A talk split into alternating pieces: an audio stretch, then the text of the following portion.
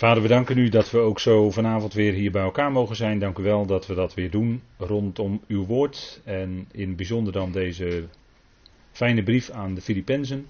Dank u wel dat we ook daaruit mogen leren. Zoveel jaren later, Vader, dat heeft Paulus nooit kunnen vermoeden.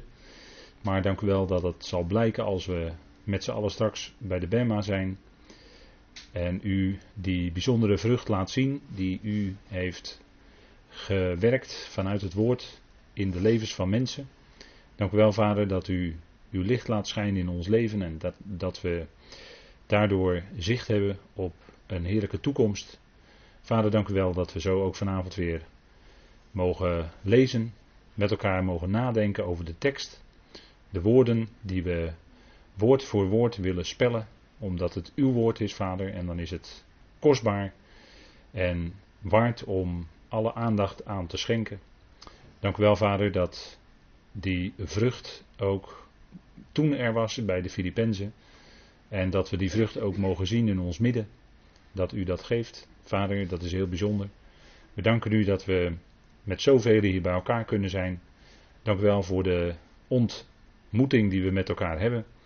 En dat we in genade met elkaar leven, met elkaar mogen omgaan beseffend van die overstromende genade die u ons schenkt en waarin u ons zet.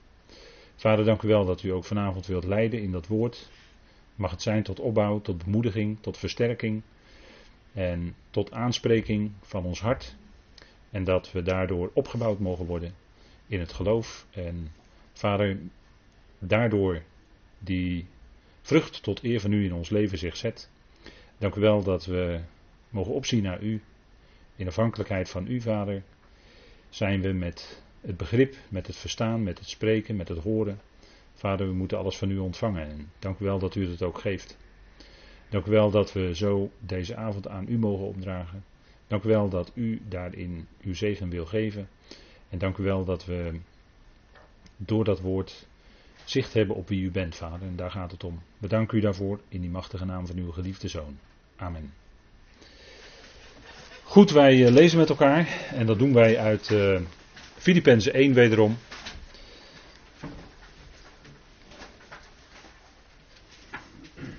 En ik lees toch even voor het verband, omdat het gewoon bij elkaar hoort vanaf vers 3. Dus Filippenzen 1 vanaf vers 3.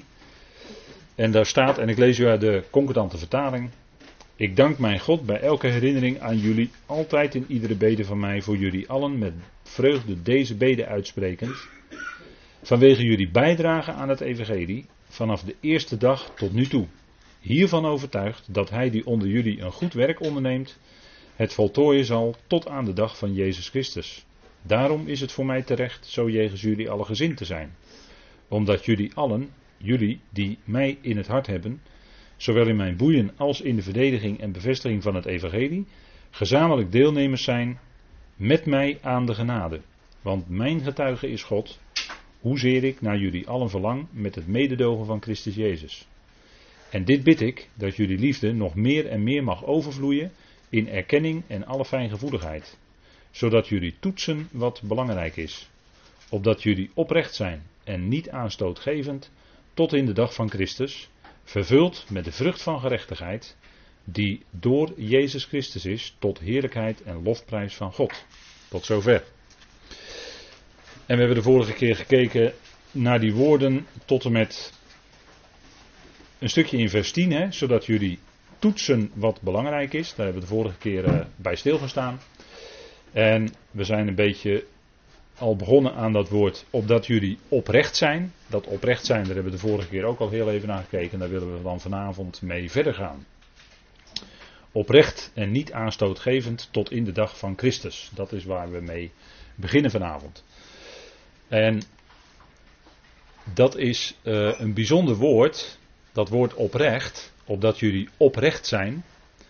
En dat is natuurlijk, als die Filippenzen dat zijn, dan is dat omdat God, en dat hebben we net, net met elkaar nog gelezen, dat God die onder jullie, zegt Paulus in vers 6, een goed werk onderneemt, het voltooien zal tot aan de dag van Jezus Christus. En de uitwerking daarvan zien we ook hier. Hè? dat zich dat uitwerkt in die levens van de Filippenzen, maar ook in ons leven. En dat is een aaneenschakeling van dingen die Paulus zegt. Hij heeft het allereerst over dat jullie liefde, hè, dat is Paulus gebed, hè? Paulus gebed, jullie liefde nog meer en meer mag overvloeien. En dat in erkenning en alle fijngevoeligheid, hè, liefde met fijngevoeligheid. En dat is wat, wat Paulus bidt voor die Filippenzen en natuurlijk ook voor ons en dat wij ook voor elkaar kunnen bidden natuurlijk, want wij kunnen die gebeden met Paulus meebidden, deel laten uitmaken van ons gebed. En dat die liefde dus meer en meer mag overvloeien. Met fijngevoeligheid. En dat is wat, wat een belangrijk punt is en waar het eigenlijk om draait hè, in gelovigen, bij gelovigen onderling. Dat die liefde mag functioneren. En die liefde, dat is een stukje vrucht van de geest natuurlijk. Dat hebben we met elkaar al gezien hè, in uh, Galaten 5. Maar dat is altijd goed om dat weer te onderstrepen met elkaar. Hè, dat liefde met fijngevoeligheid. Hè. En het ontbreekt ons mensen van nature aan fijngevoeligheid. Hè, dat kunnen we wel vaststellen. Maar wat is het nu? Wij worden fijngevoelig doordat we opgescherpt worden door de liefde van God. We worden opgescherpt door het woord van God. En dat in, door de jaren heen werkt dat door in ons leven. Zodat we stukje bij beetje groeien van vleeselijke, of moet ik zeggen zielsvleeselijke mensen, naar geestelijke mensen. En als je een geestelijk mens bent, dan ben je alert op wat naar de liefde van God is. Dan vraag je ook af in onderlinge contacten met elkaar, wat is nu naar die liefde van God? Wat is nu, hè, wat stemt nu overeen met die fijngevoeligheid? Het is liefde met fijngevoeligheid. En is er dan ook die fijngevoeligheid naar elkaar toe? in het dagelijks leven dan uh, ontmoeten mensen elkaar in allerlei situaties en dan uh, gebeuren er allerlei dingen onderling. soms lopen mensen door levens van anderen als olifanten in de bekende porseleinkast, weet u wel. En maken ze allerlei brokken. En het is de bedoeling dat wij door de geest van God groeien tot geestelijke mensen, waarin de geest functioneert, waarin de geest vrucht zet. En waarin we dan ook die ander echt kunnen liefhebben zoals dat naar het woord is. En dat kun je als je de ander aanziet in Christus. En we kunnen elkaar natuurlijk aanzien in het vlees en naar het vlees. Maar dan ga je je storen.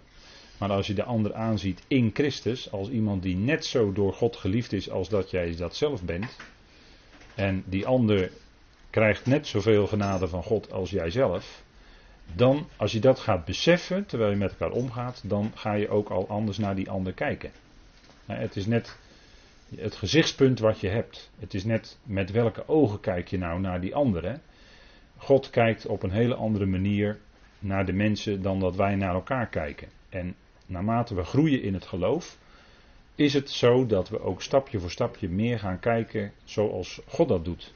Gaan we meer eigenlijk dat standpunt innemen vanuit God. En dat is ook wat de apostel Paulus steeds doet. Hè? Hij komt altijd vanuit God.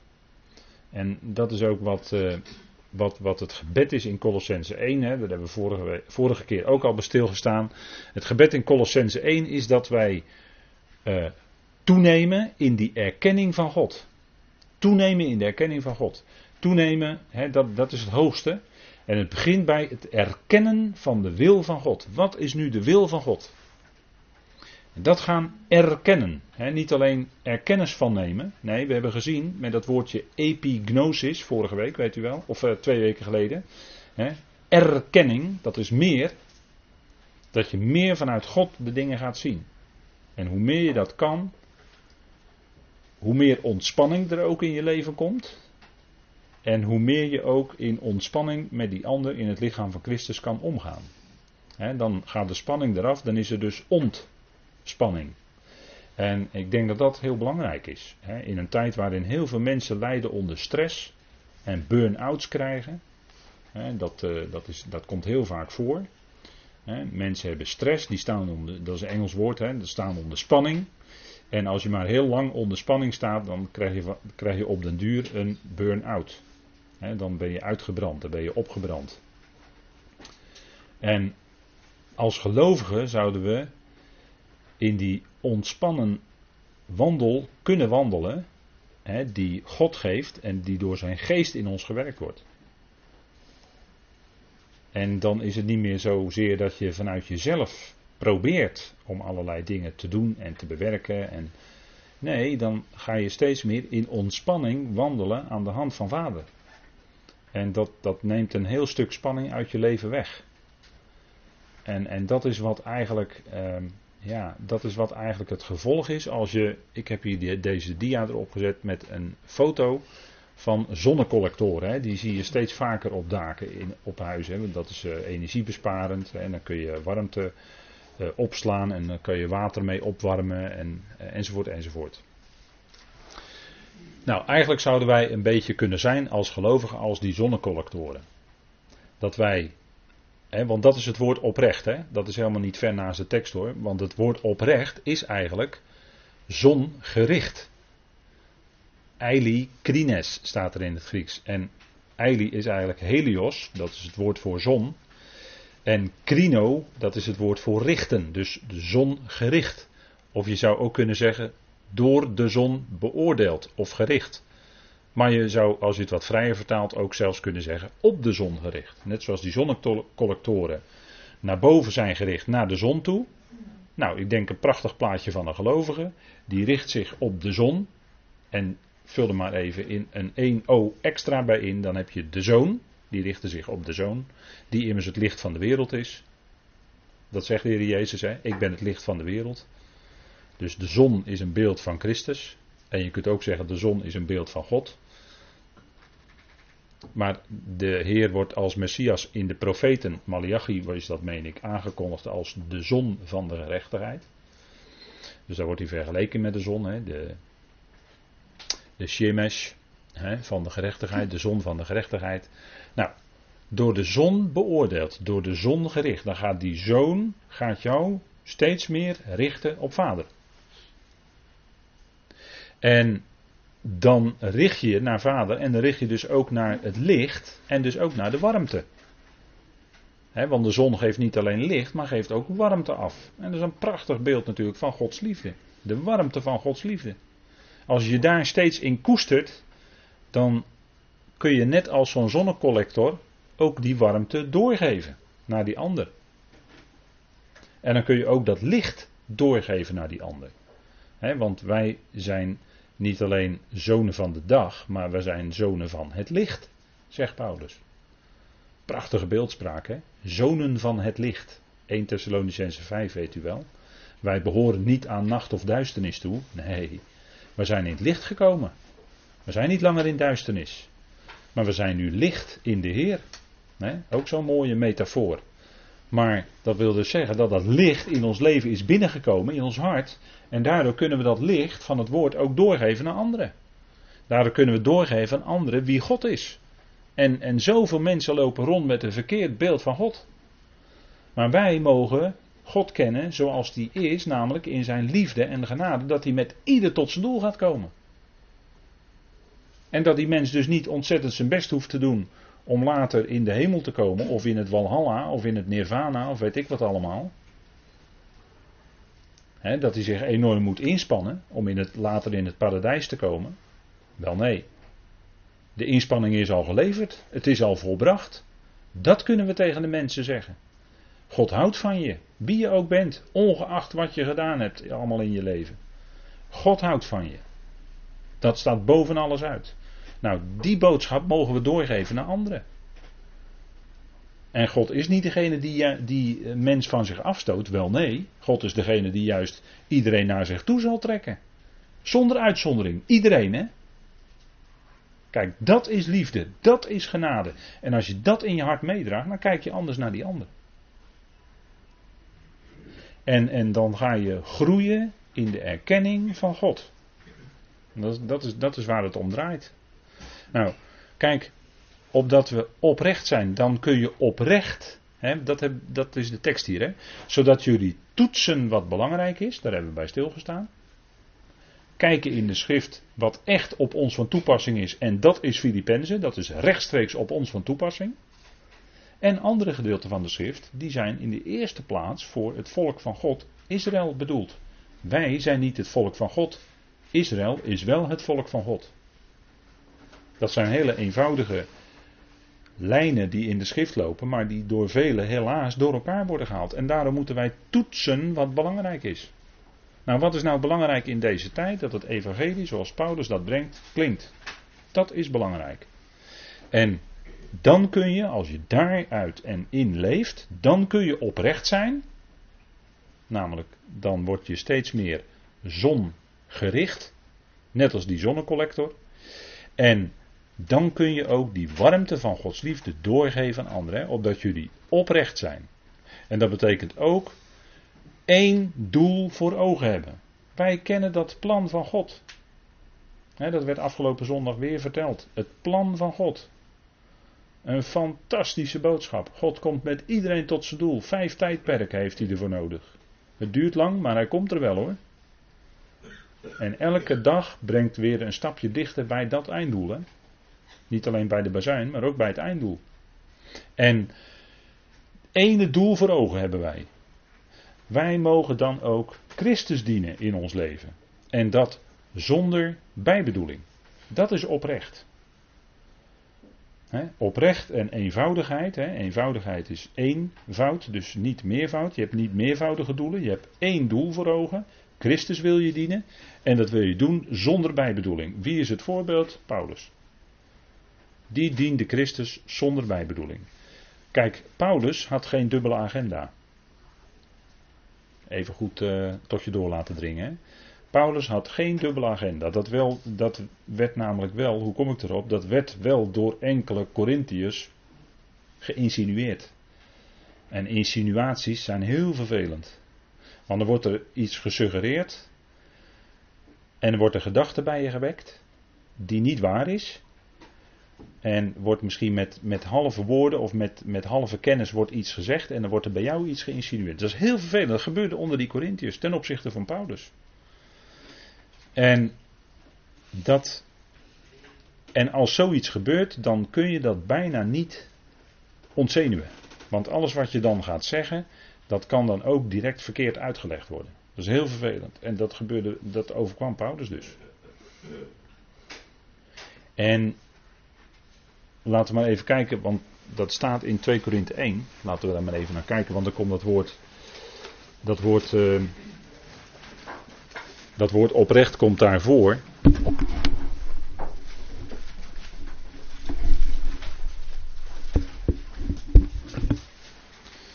Twee Korinthe 1.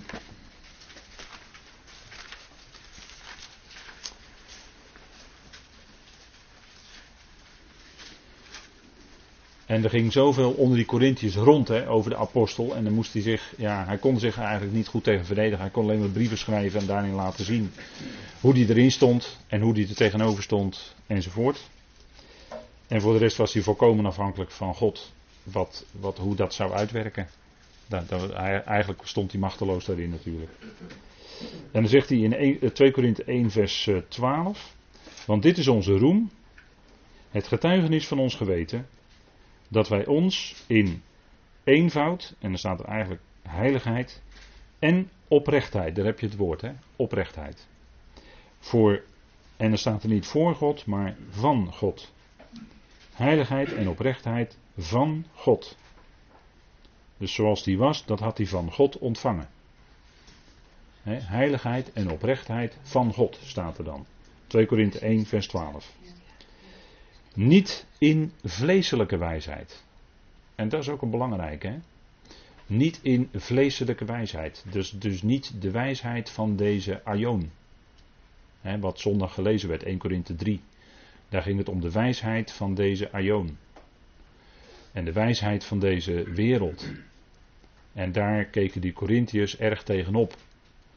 Hè, de, de wijsheid van deze wereld. Maar dan staat er ook, en dat is een citaat uit Job, dat de Heer vangt de wijsheid in hun sluwheid. En hun doorredeneringen worden ontzenuwd. en de wijsheid van deze wereld, die kent ook verkeerde uitgangspunten.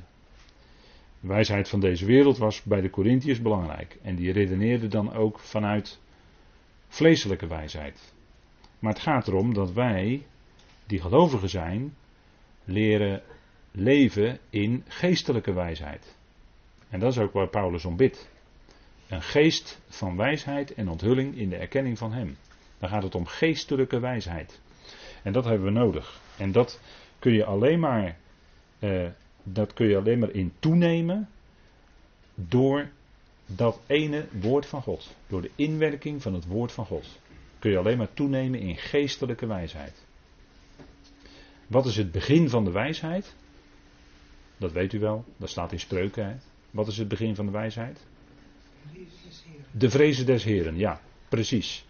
Eerbied en ontzag hebben voor de Heer, daar begint het mee. Dat is het begin van de wijsheid.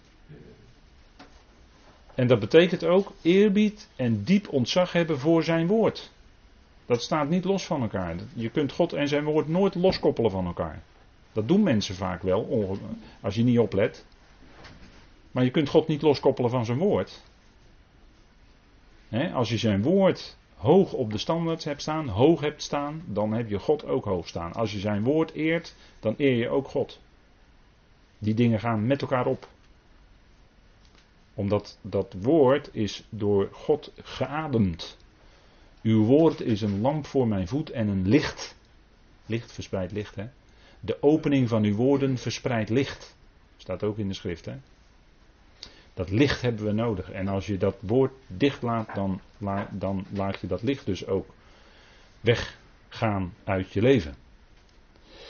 Geestelijke wijsheid begint dus bij de vrezen des Heren. Dat is een, uh, hè, dat, dat is een uh, uitdrukking die we diverse keren in de schrift aantreffen. In spreuken staat het, het staat ook in Psalm 111, meen ik. De vrees van de Heer, de eerbied voor de Heer, eerbied voor God, diep ontzag voor God, is het begin van de wijsheid. En, en als we onze eigen redeneringen volgen als mensen, dan volgen we menselijke en waarschijnlijk ook vleeselijke wijsheid. En dan kom je verkeerd uit. Dan kom je verkeerd uit. Maar Paulus zegt dat hij in heiligheid en oprechtheid van God, niet in vleeselijke wijsheid, maar in de genade van God gedragen hebben in de wereld en in het bijzonder, en dan staat er eigenlijk overvloediger, ten opzichte van jullie. Dus Paulus was niet te raden gegaan bij zijn eigen wijsheid of bij wijsheid van mensen. Nee, hij had daarin de wijsheid van God gezocht. En als iemand tekortschiet in wijsheid, zegt Jacobus, dan, bidt hij, dan bidde hij God daarom. Tekortschiet in wijsheid, hoe moet het nu in deze situatie? Hoe moet het nu verder? God bidden om wijsheid, bid God om wijsheid. En, en misschien is dat, dan laat God misschien juist wel een hele andere weg zien dan jij gedacht had. Dat, dat zou zomaar kunnen. Dat je heel anders toch gaat handelen in een situatie dan je misschien zelf had bedacht. Maar je moet heel erg opletten met je eigen redeneringen, je eigen doorredeneringen.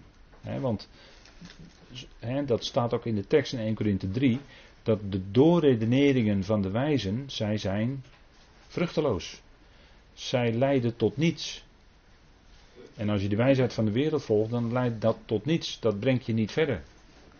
maar het gaat om die wijsheid van God te raadplegen. En dat kan niet zonder zijn woord. En dat is wat, wat eh, Paulus dan getuigt, hè, dat hij zo had gehandeld. In het bijzonder ten opzichte van jullie, Corinthiërs.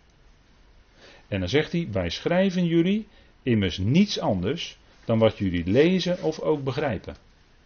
Paulus schrijft, en dat was recht door zee. Die brieven was recht door zee. Daar zat niet een dubbele bodem in, in die brieven. En het was ook niet zo van hij schrijft dit en hij bedoelt eigenlijk iets totaal anders of hij heeft daaronder een totaal andere agenda die hij volgt. Nee, zo was het bij Paulus niet. Hij schreef ze precies wat, wat de agenda was. Die legde hij helemaal open naar de Corinthiërs toe. Hij had geen dubbele agenda. Dat bedoelt hij hier. Hè? En ik hoop, zegt hij tegenover die Corinthiërs, dat jullie het ook tot het einde toe zult begrijpen maar ze, ze, ze verstonden de bedoelingen en, en hoe, hoe de apostel het wilde. Dat verstonden die Corinthiërs verkeerd. Waarom? Nou, ze redeneerden naar menselijke wijsheid, naar vleeselijke wijsheid. En daarom moest Paulus tegen ze zeggen in die eerste brief: Jullie zijn nog vleeselijk. Jullie redeneren naar de mens. En de een die hoorde liever bij de groep van Kefas, en de andere hoorde liever bij de groep van Apollos, en de andere hoorde liever bij de groep van Christus, heel vroom. Maar het is één lichaam, het is één lichaam van Christus. En waarom denkt u dat Paulus dan in 1 Korinthe 12 zo uitgebreid schrijft over dat ene lichaam? Waarom denkt u dat het is? Nou, ten opzichte van die verdeelde Corinthiërs natuurlijk. Die waren bezig naar het vlees, naar de mens, en die, die waren dus verdeeld in groepjes. Dat is niet geestelijk, dat is vleeselijk als je verdeeld bent. Verdeeldheid zit altijd in het vlees. En daarom zouden wij ook die eenheid van de geest bewaren.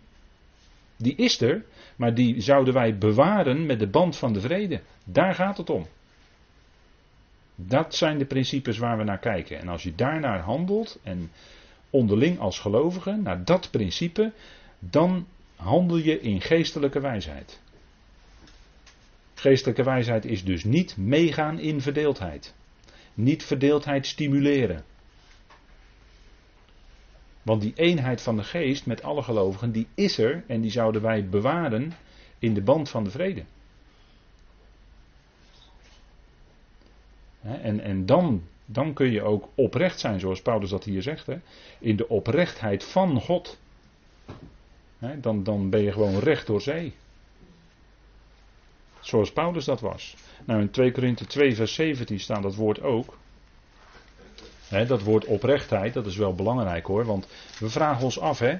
Uh, uh, opdat jullie oprecht zijn naar binnen de dag van Christus. Wat, wat is dat dan, dat oprecht zijn? Nou, daar zijn we nu mee bezig. Daar krijgen we nu antwoord op, hè? hoe dat is, die oprechtheid. Hè, dat is ook in 2 Korinthe 2, vers 17. Daar zegt de apostel, want wij zijn niet als zoveel die handel drijven met het woord van God. Hè, die ermee sjoemelen. Die ermee handel drijven. Dat wil zeggen, eh, dat, dat, dat laten verwateren. He, niet, niet, uh, niet klare wijn schenken uit het woord, nee, water bij de wijn doen. He, en, en, uh, maar dingen weglaten. En er zijn zoveel, zegt Paulus, die handel drijven met het woord van God. Maar het woord van God is geen handelswaar. Het is de bedoeling dat je er echt wijzer van wordt. Niet in, in materieel wijzer van wordt, wordt, zo niet. Nee, waar je echt wijzer van wordt. In de goede zin. En dan zegt Paulus, maar als uit oprechtheid, maar als uit God, voor Gods aangezicht, spreken wij in Christus. Paulus die jubelde niet met het woord van God. Paulus versjaggerde dat woord van God niet. Nee, hij sprak in oprechtheid. Hij sprak precies zoals het is. Geen water bij de wijn. Niet verdunnen. Niet lijnen door elkaar halen. Maar gewoon klaar en duidelijk zoals het is. En dat is waar we voor gaan. Hè? Oprecht. We zijn oprecht. We willen oprecht weten wat er staat geschreven. En dat met elkaar delen. Dat doorgeven. Daar gaat het om. En dat, dat is enorm belangrijk. Want anders verlies je het zicht op God. en, en, en mensen kunnen natuurlijk prachtig nadenken over wie is God. En dan kun je natuurlijk prachtig met elkaar over gaan filosoferen en met elkaar over discussiëren wie God is. Maar dan krijg je allemaal antwoorden, allemaal verschillende antwoorden. Nee, wie is God? Dan moet je de schrift raadplegen. Daarin openbaart God zichzelf. Dat is, hè, dat, dat is hetgeen wat, wat ook in je leven dan echt grond onder je voeten geeft. Dat is wat je echt troost biedt. Dat is wat je echt zicht geeft en een toekomstverwachting. En, en dat is waar het om gaat. Hè? Dat is zuiver. Hè? We willen zo zuiver mogelijk, zo dicht mogelijk op die tekst zitten. En, en uh, vorige keer heb ik meen ik iets gezegd over de concordante methode. Nou, die methode, is een prachtig middel om heel dicht te komen bij wat staat er nu precies geschreven. En het gaat natuurlijk om de Griekse en Hebreeuwse grondteksten. Natuurlijk gaat het daarom. Maar via die methode schakel je zoveel mogelijk menselijke inleg uit. En wordt je zelf steeds gecorrigeerd door het woord zelf. En zo moet het ook werken. En dan kun je niet zeggen van nou, we hebben een paar zinnen in het Grieks en wij denken dat dat er staat en we vertalen het maar zo. Nee, nee, nee, nee, ho, ho, ho. Dat staat er. En daar willen we zo dicht mogelijk bij blijven en dat woord voor woord vertalen. Zoveel mogelijk, zo dicht mogelijk op het Grieks. Zo consequent mogelijk ook. Zoveel mogelijk eenzelfde Grieks en Hebreeuws woord met hetzelfde Nederlandse woord vertalen. U hoort mij zeggen, zoveel mogelijk, want dat kan niet altijd daar zijn ook allerlei misverstanden. En mensen die doen dan schamper en lacherig over een concordante vertaling. Alsof het een computervertaling is, maar zo is het niet. Nee, steeds kijken wat is het beste woord in die context, in dat tekstverband. En dan word je gedwongen om misschien een heel ander woord te kiezen dan dat je zelf dacht. En dat komt heel vaak voor. En zo heel dicht bij die tekst blijven, dat is zo ongelooflijk belangrijk. En dan krijg je ook zicht op God. Wat God bedoeld heeft te zeggen. En wat God werkelijk zelf zegt. En daar gaat het om. Ja, en dat dat alle heilige huisjes en alle tradities omverwerpt, dat zal wel. En dat roept dan ook veel weerstand op. En Paulus wist dat als geen ander. de Jezus verweet de, de schriftgeleerden dat zij door hun tradities het woord van God krachteloos hadden gemaakt. Dat zei de heer Jezus tegen, uh, tegen de schriftgeleerden. Bij Matthäus 15, dan zei hij dat toch? Dat weet u toch wel, Matthäus 15. Dat ze door het woord, dat ze door de tradities het woord van God krachteloos hadden gemaakt. Dat ze misschien wel zeiden in theorie dat het woord bovenaan staat, maar in de praktijk stonden de tradities hoger. En zo is het vandaag aan de dag nog steeds. Dan worden traditionele leerstellingen worden belangrijker dan het woord van God. Want als je bij een groep wil horen, dan moet je die leerstellingen onderschrijven. Terwijl ze niet altijd overeenkomen met wat het woord van God laat zien. En dan weet u zelf wel welke tradities dat zijn. maar zo werkt het in de praktijk. En kijk, dan kun je recht door zee zijn, dan kun je oprecht zijn. En dat is wat Paulus ook al, dat woord gebruikt hij ook al eerder in de Korinthebrief in 1 Korinthe 5. Nou, en daar was nogal wat aan de hand in 1 Korinthe 5. En daar heeft hij het over zuurdesem, het zuurdesem van de zonde. En het werd onder hen geaccepteerd. Ze legden de genade verkeerd uit. er was een geval van ernstige hoererij onder hen. En dat sprak Paulus aan. En dat betitelt hij in feite als zuurdesem. En dan zegt hij dat je zo iemand die dat doet, zo'n ernstig geval van hoererij, vers 5, 1 Korinthe 5, vers 5, over te geven aan de Satan, aan de tegenstander, tot verderf van het vlees, opdat de geest gered zal worden in de dag van de Heer Jezus. dus ook aan Paulus kwam het oordeel niet toe of het wel of niet een echte gelovige was. Paulus ging er nogthans vanuit dat het wel een gelovige was. Maar wel overgeven aan de tegenstander tot verderf van het vlees. En opdat de geest behouden zou worden in de dag van de Heer Jezus.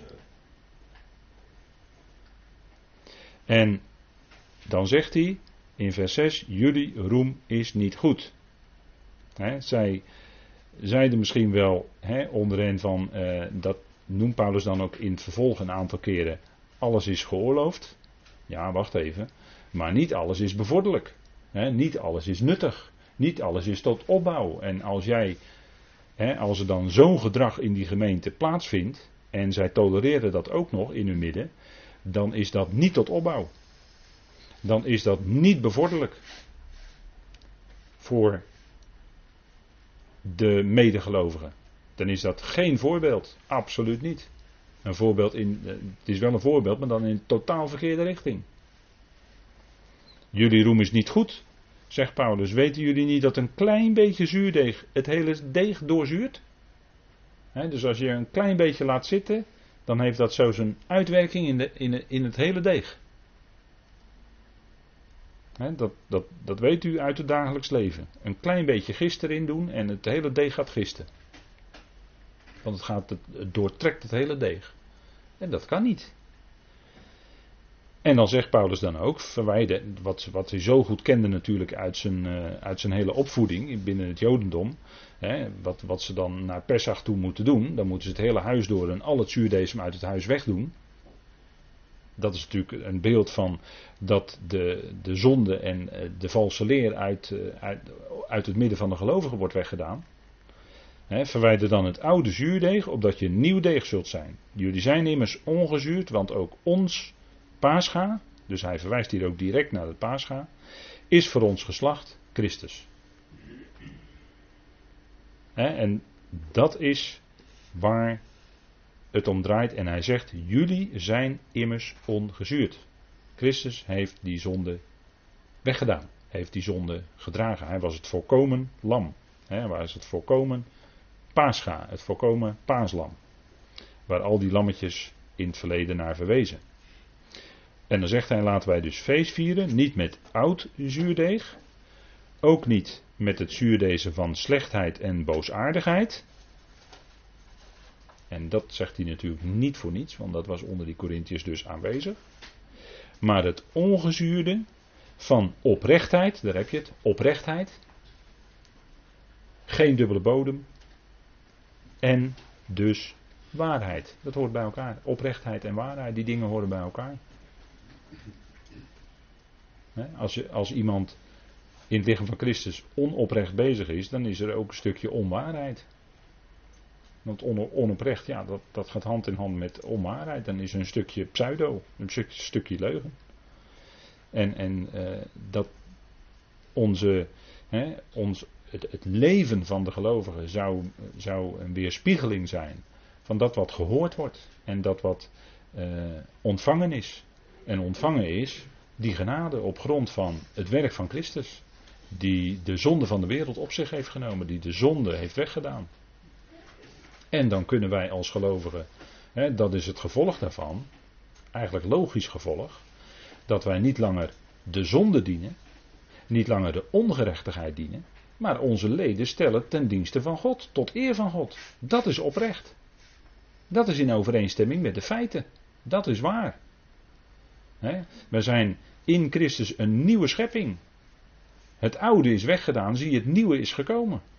Onze oude mens is mede gekruisigd met Christus. En als gevolg daarvan kunnen wij wandelen in nieuwheid van leven. Dat kunnen wij niet uit onszelf natuurlijk, maar dat is God die zijn kracht in ons geeft, die opstandingskracht, opdat wij voortaan met de leden van ons lichaam, ja inderdaad het oude lichaam, maar met de leden van het lichaam de gerechtigheid kunnen dienen, namelijk God kunnen dienen.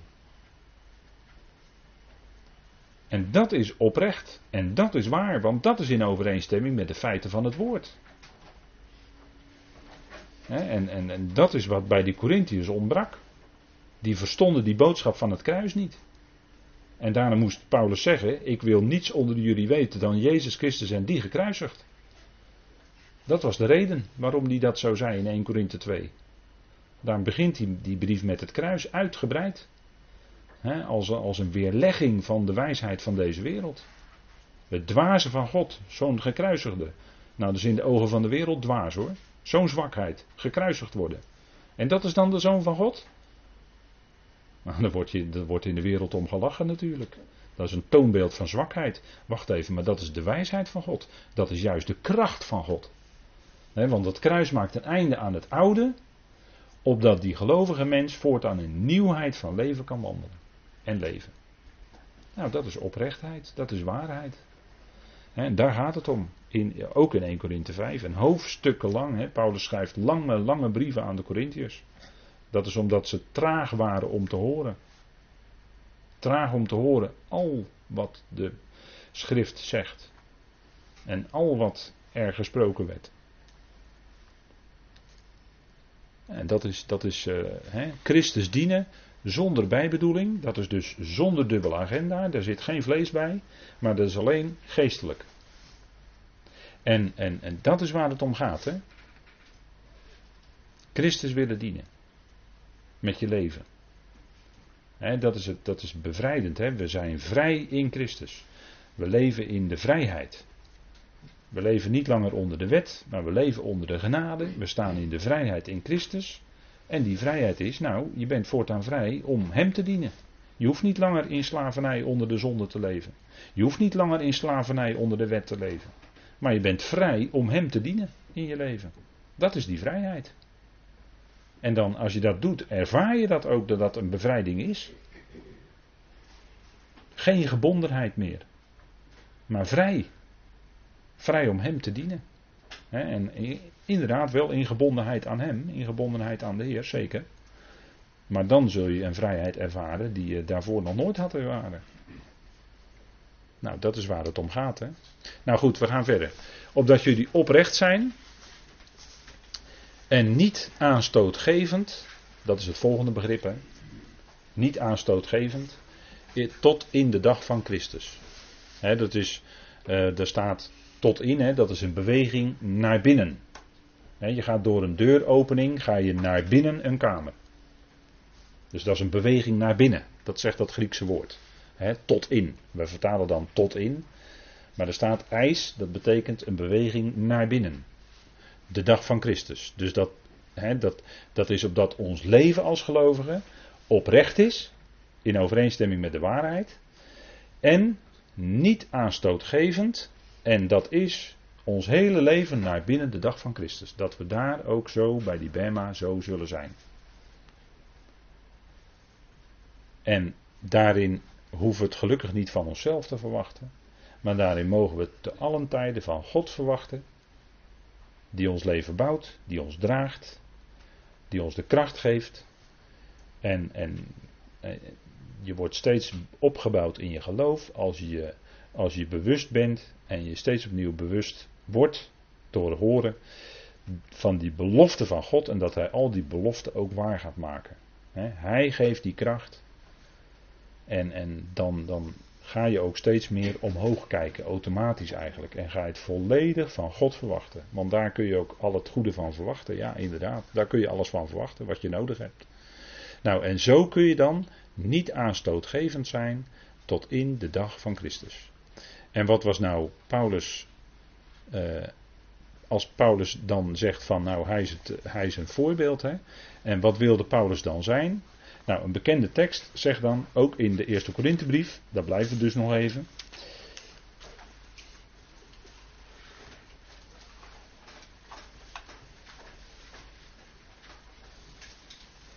...1 Korinthe 10... ...en dat is dan een... Uh, stukje waarin Paulus dan het voorbeeld gebruikt van het, het vlees eten. En sommigen hebben bij vlees eten. En toen de tijd werd vlees dan aan de afgoden geofferd. En mensen hadden toen de tijd last van hun geweten als ze dan dat vlees zouden eten. En anderen hadden geen last van hun geweten omdat ze van overtuigd waren dat alles wat God geeft uit zijn schepping is goed en kunnen we voor danken. En we hoeven geen navraag te doen of het nou wel of niet een afgoden geofferd is. Het is gewoon vlees wat God geeft, mag je eten. En de een heeft die vrijheid en de ander heeft misschien nog last van zijn geweten daarin, dus die eet dan dat vlees niet. En degene die dan de vrijheid heeft om wel alles te eten en zonder navraag te doen, die zou wel rekening houden met diegene die wel last heeft van het geweten. Hè? Dus die sterke die houdt wel rekening met die zwakke daarin. Als ik het even terugbreng weer naar sterk en zwak. En Paulus zegt dan, als hij daarover gesproken heeft in 1 Corinthië 10 vers 31, of jullie dus eten of drinken of iets doen, doet alles tot eer van God. Nou, dat is een heel eenvoudig principe. Het doet alles tot eer van God. En naarmate je langer op weg bent als gelovige, om het zo maar te zeggen, ga je ook steeds meer ontdekken wat is tot eer van God. En dat is een groeiproces. En als je God kan danken voor datgene wat je eet en drinkt. Ik denk dat dat toch een goed principe is. Kijk, we zijn gewend vanuit onze cultuur. Misschien dat we thuis zo opgevoed zijn dat we altijd bidden voor het eten. Nou, dat staat niet per se in de Bijbel, dat je moet bidden voor het eten. Je kan ook danken voor het eten. Je kan ook danken na het eten. Je kan ook één keer per week danken voor al het eten wat je die week eet. Of zeg ik nou iets geks? Hè? Er staat toch allemaal niet in de Bijbel dat we moeten bidden voor het eten.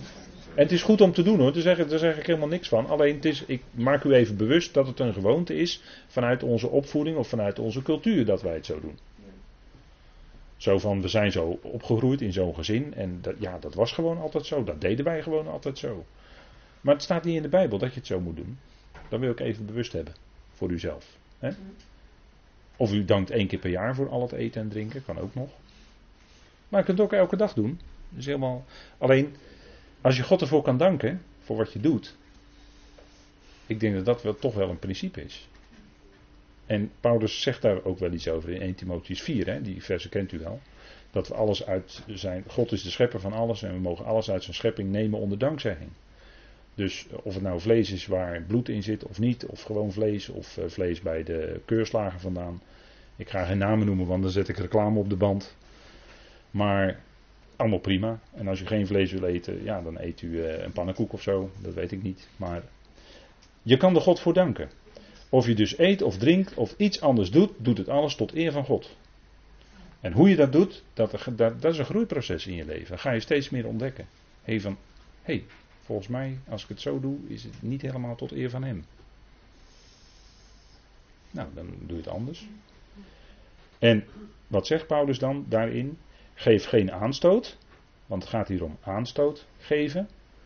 En natuurlijk zijn er mensen die heel snel aanstoot aan iets nemen. Dat heb je ook, daar heb je ook soms mee te maken. mensen die aan van alles en nog wat aanstoot nemen. Dat is, kan soms lastig zijn. Maar Paulus zegt hier als principe: geef geen aanstoot. Niet aan de Joden. En niet aan de Grieken. dat is dan Joden, Jood zijn in religieuze zin. Grieken, Grieks zijn in religieuze zin, bedoelt hij dan. En ook niet aan de gemeente van God. Dus hoe je omgaat met eten en drinken en dat je dan daarin rekening houdt met anderen, gezien hun achtergrond, gezien hun opvoeding, gezien de cultuur enzovoort. Daar kun je allemaal in fijngevoeligheid rekening mee houden. Als je met anderen samen bent. En zeg je misschien thuis, als je thuis bent, dan doe je het anders. En dan is verder, heeft verder niemand anders er iets mee te maken. Dus dan zou je misschien wel vlees eten, terwijl je het misschien bij, als je bij een ander bent niet doet, uit fijngevoeligheid. En Paulus zegt dan: geef geen aanstoot. Dat is die liefde, dat is die fijngevoeligheid, dat je met die ander rekening houdt. zorg niet dat jouw vrijheid voor die ander een struikelblok wordt. in 1 Korinthe 8 bijvoorbeeld heeft Paulus het ook daarover als iemand aanstoot zou nemen aan dat jij vlees eet, wat aan de afgoden geofferd is, dan moet je het niet doen. want wil jij dan soms een broeder verloren laten gaan? Heel, hele vreemde uitspraak? Maar zou je dan soms een broeder verloren laten gaan? Door jouw vrijheid? Nee, daarin een stukje fijngevoeligheid betrachten. Een stukje liefde betrachten naar die ander toe. Oké, als die ander daar moeite mee heeft, oké, dan laat ik het. Paulus zegt dan zelf, dan zou ik voor de Aion geen vlees eten. Om die broeder te bewaren. Of zuster natuurlijk, dat bedoelt hij dan ook. maar om die te bewaren en bij te houden enzovoort. Dat is geen aanstoot geven, hè, opdat we niet aanstootgevend zijn tot in de dag van Christus. Je rekening houdt met die ander. En natuurlijk kun je het niet altijd voorkomen. Ik zei net al, er zijn mensen die nemen aan van alles en nog wat aanstoot. Dus dat, dat kan je bijna dan niet voorkomen. Dat is dan soms heel verdrietig. Maar dat is dan niet anders. Paulus zegt ook dat in Handelingen 24, laten we dat even met elkaar opzoeken. Daar gebruikt hij ook dat woord aanstoot geven. Handelingen 24. En daar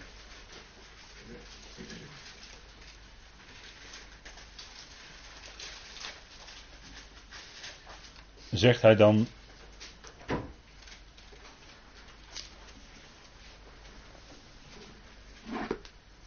Handelingen 24, daar, heeft hij, daar gebruikt hij ook dat woord aanstoot geven. Maar ik weet niet of dat in uw vertaling zo duidelijk naar voren komt. Hij zegt hier, en dan volgens de herziene statenvertaling. Daarom oefen ik mijzelf om altijd een zuiver geweten te hebben voor God en de mensen. Maar dan gebruikt hij eigenlijk ook dat woord geen aanstoot geven. Dus geen aanstoot te geven vanuit zijn geweten naar God toe en naar de mensen. dus Paulus was er, was er voortdurend op uit om een geweten te hebben dat niet aanstoot geeft naar God toe en naar de mensen toe. En dat voortdurend. Ik heb het hier op deze dia, heb ik het zo wel geschreven. Een geweten dat geen aanstoot geeft naar God toe en de mensen voortdurend. Dus zo was Paulus in fijngevoeligheid bezig. En dat is hier dan heel sterk vanuit zijn geweten. dus dan ziet u dat hij daarin niet aanstootgevend wilde zijn, zelfs niet naar God toe. Dus naar God toe wil hij een, een, een, een, alles eigenlijk zo doen dat hij voor zover, zijn, voor zover hij dat op dat moment wist en besefte, dat hij dat met een zuiver geweten kon doen. De dingen die hij deed. En dat deed hij in afhankelijkheid en steeds biddend, zoekend. Wat is de juiste weg? Wat is Gods bedoeling hierin? Wat is wijsheid? en zodat hij daarin een zuiver geweten heeft. Maar dat is niet het criterium, hè? dat weet u hè. 1 Korinthe 4 zegt Paulus dat. Ten opzichte van die Corinthiërs, laten we het ook even met elkaar opzoeken. Omdat hij daar een opmerking maakt in het, in het kader van dat geweten. Want een zuiver geweten, daar moet er altijd toch mee oppassen. U kunt een, voor uzelf zeggen, nou, voor zover ik weet heb ik een zuiver geweten naar God toe en naar de mensen, maar dat is niet het criterium. Dat is niet het criterium. Dat is niet onbelangrijk hoor, maar dat is niet waar het, waar het om draait. Hè? Om draait hè? Want hij zegt in 1 Korinthe 4 vers 4, want ik ben mij van niets bewust, en daar hebben we de vorige keren ook bij stilgestaan, bij deze tekst. Maar ik ben mij van niets bewust, en dat bewustzijn dat heeft in het Grieks te maken met hetzelfde woord als geweten. Ik ben mij van niets bewust, maar daardoor ben ik niet gerechtvaardigd. Daardoor ben ik niet gerechtvaardigd. Dus je kunt een zuiver geweten hebben, maar pas op, daardoor ben je nog niet gerechtvaardigd. En dan zegt hij, wie mij beoordeelt is de Heer uiteindelijk. dus mensen kunnen misschien een beoordeling over jou uitspreken. En dat gebeurt misschien wel dagelijks. Maar Paulus zegt, wat voor mij, waar het uiteindelijk voor mij om gaat, is bij die Bema, dat ik door de Heer word beoordeeld. En die kent mijn motieven. En dan is zelfs een zuiver geweten nog niet het criterium. Nee, de beoordeling door de Heer is het criterium. Daar draait het om. Bij de Bema.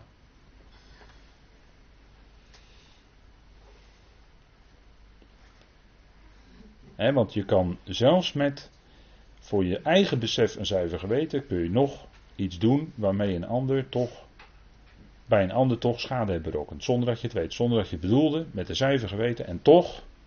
Maar dat zijn nou die dingen die bij de Bema aan de orde zullen komen. En dan zal daar blijken wat de motieven waren van het hart.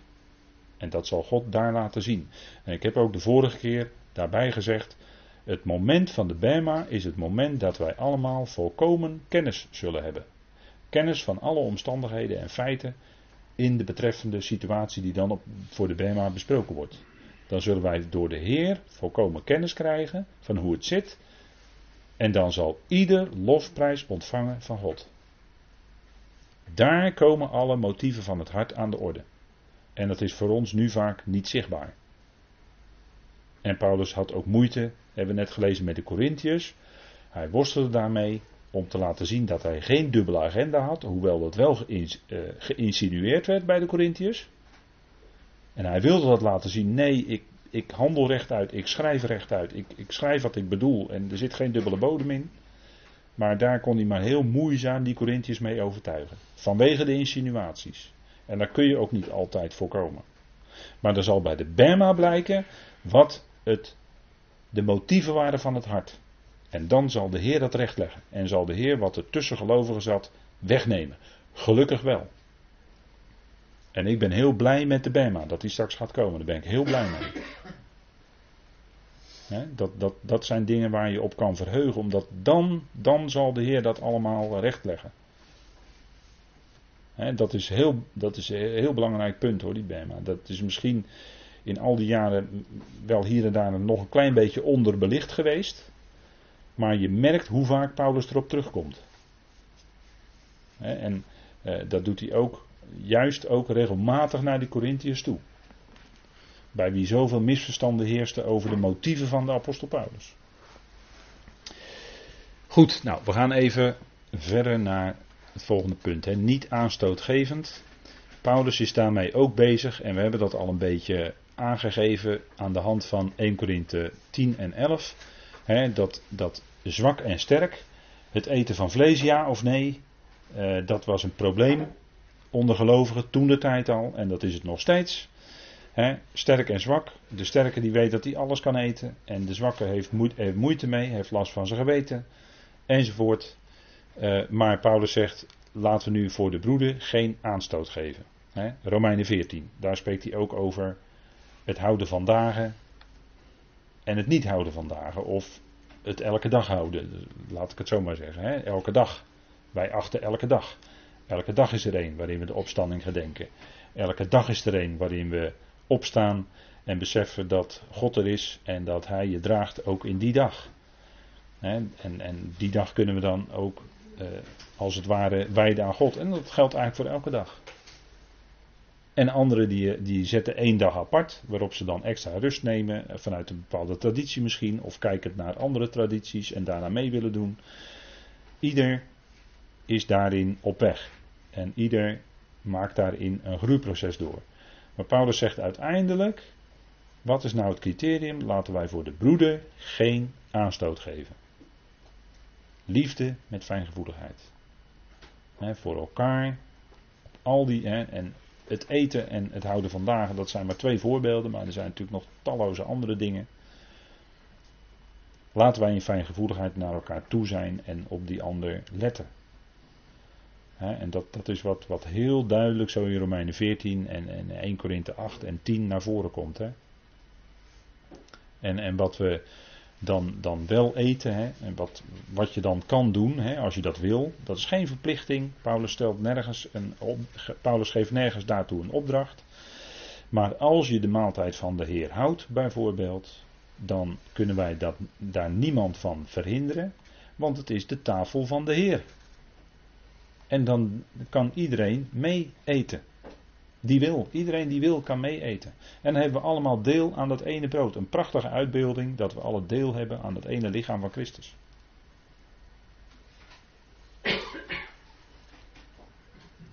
en we drinken allemaal datzelfde waarin we herinneren het kostbare bloed van Christus. Het kostbare bloed van Christus. Wat vergoten werd tot rechtvaardiging van de hele wereld. Tot rechtvaardiging van alle mensen. En dan, dan, als je dat tegen iemand zou zeggen, dan zou die zeggen: Hé, alle mensen? Het geldt toch alleen voor de gelovigen? Nee, nee, nee, nee, ho, ho. Je moet niet alleen Romeinen 3 lezen, maar ook, nou daar staat het ook al in trouwens, maar Romeinen 5 moet je ook lezen. dat hij die ene daad van rechtvaardigheid heeft gedaan, hij heeft zijn bloed gegeven, hij is aan het kruis gegaan, hij is opgestaan, die ene daad van rechtvaardigheid. En die leidt tot rechtvaardiging ten leven, en dan staat er voor alle mensen. Nou, dat is evangelie. Dat is goed nieuws voor iedereen. En daarvoor heeft hij zijn kostbare bloed is daarvoor vergoten aan het kruis. En dat kostbare bloed dat spreekt van zijn enorme diepe lijden wat hij heeft doorgemaakt. Niet alleen in zijn lichaam, maar ook in de ziel. Hè? Want de ziel is in het bloed. Dat is wat de Bijbel zegt. Hè? De ziel is in het bloed. Dus hij heeft in de ziel ook diep geleden, onze Heer. En hij heeft ook geestelijk geleden. Dus op alle fronten zou je kunnen zeggen. Hè? En hij heeft zijn ziel is daarin uitgegoten en hij zal daarvan enorme vrucht zien. Hè? Zoals de profeet Jezaja dat al heeft voorzegd in Jezaja 53. Hè, maar zijn bloed betekende rechtvaardiging Voor iedereen. Wij zijn gerechtvaardigd in het kostbare bloed van Christus. Niet in uw eigen werken, wel nee. In het kostbare bloed van Christus, in wat Hij deed. Daarin ben je gerechtvaardigd. Dus dan hoef ik helemaal niets te doen daarvoor? Nee, daar hoef je helemaal niets voor te doen. Het is genade. Gerechtvaardigd om niet. In zijn genade. In de vrijkoping in Christus Jezus. Kijk, dat, dat is echt evangelie hoor. Dat is goed nieuws. Want jij als mens hoeft het niet te doen. Nee, het is al gedaan. Dat is het hè. Dat is nou genade. En daar zeg je dan met je hele hart amen op. Dat is geloof, dat beleid ik, dat geloof ik, dat beaam ik. Ja, Heer, zo is het. En dat geloof is dan ook nog in je hart gewerkt door Vader. want de Heer opende het hart van Lydia, zodat zij acht gaf op het, wat door Paulus gezegd werd. En wat deed de Heer bij de Emmausgangers? Hij opende hun verstand, zodat zij de schriften konden verstaan. Dus het moet allemaal van Hem komen, hè? dat staat voorop. Is niet van onszelf bij. En weet u dat ik daar ook heel blij mee ben, dat er niets van onszelf bij is? dat, dat onderstreept alleen nog maar meer dat het louter en alleen genade is. Die mens kan helemaal niets doen om zijn eigen redding te bewerkstelligen. Nee, dat is alleen door het kostbare bloed van Christus. Dat is alleen door het werken van wat, wat God deed, door de Zoon. En dan heb je ook echt goed nieuws te vertellen hoor. Als je dat kan vertellen. En het geldt voor iedereen. En wat is er nou mooi dat je dat kan vertellen? Het is voor iedereen. Hè? Zoals, zoals de helaas overleden broeder dan rondfietste en zei: Het beste komt nog. het is mooi weer, maar het beste komt nog. Werd door vele mensen niet begrepen. Maar hij bedoelde dat God met iedereen tot zijn doel gaat komen. en dat, kijk, zo. En, en dan gaan, gaan tradities, die, die ook maar iets. En dat is allemaal zuurdesem. Hè? Elke traditie die zegt dat er iets van de mens zelf bij is om redding te bewerken, dat is zuurdesem. Dat is niet naar de schrift. Dan ga je zuurdesem in de genade brengen en dan is het geen genade meer. En dat, dat blijft ook zo. Hè, in, ons, in ons leven als gelovigen blijft het genade hoor. Als je bewust bent van die redding, dan is dat wat je nog kan doen, is ook genade. Hè, dat was de bediening van Paulus, dat noemt hij de genade. Hè. We hebben net gelezen in, in Filippenzen 1. Hè, dat, dat die Filippenzen, uh, vers uh, eh, 7 is dat, dat die Filippenzen gezamenlijk deelnemers zijn met mij aan de genade. Dat is niet alleen dat evangelie, maar dat is ook de bediening. Dat is allemaal genade. En zo ziet u dat die genade zoveel kanten heeft. Hè. Het is zo'n diamant die, die zoveel vlakjes heeft, die zoveel schitteringen heeft. Hè. Dat, dat, daar raak je nooit op uitgekeken. En, en dat is wat de, die Filippenzen ook aan, aan, aan deelnamen. Aan de genade, aan die geweldige bediening van de apostel Paulus. He, is niet om, om hem, om de apostel op een voetstuk te zetten, wel nee. Om die rijkdom aan genade van de Heer te laten zien. En want daar gaat het om. Nou goed, we gaan even met elkaar pauzeren.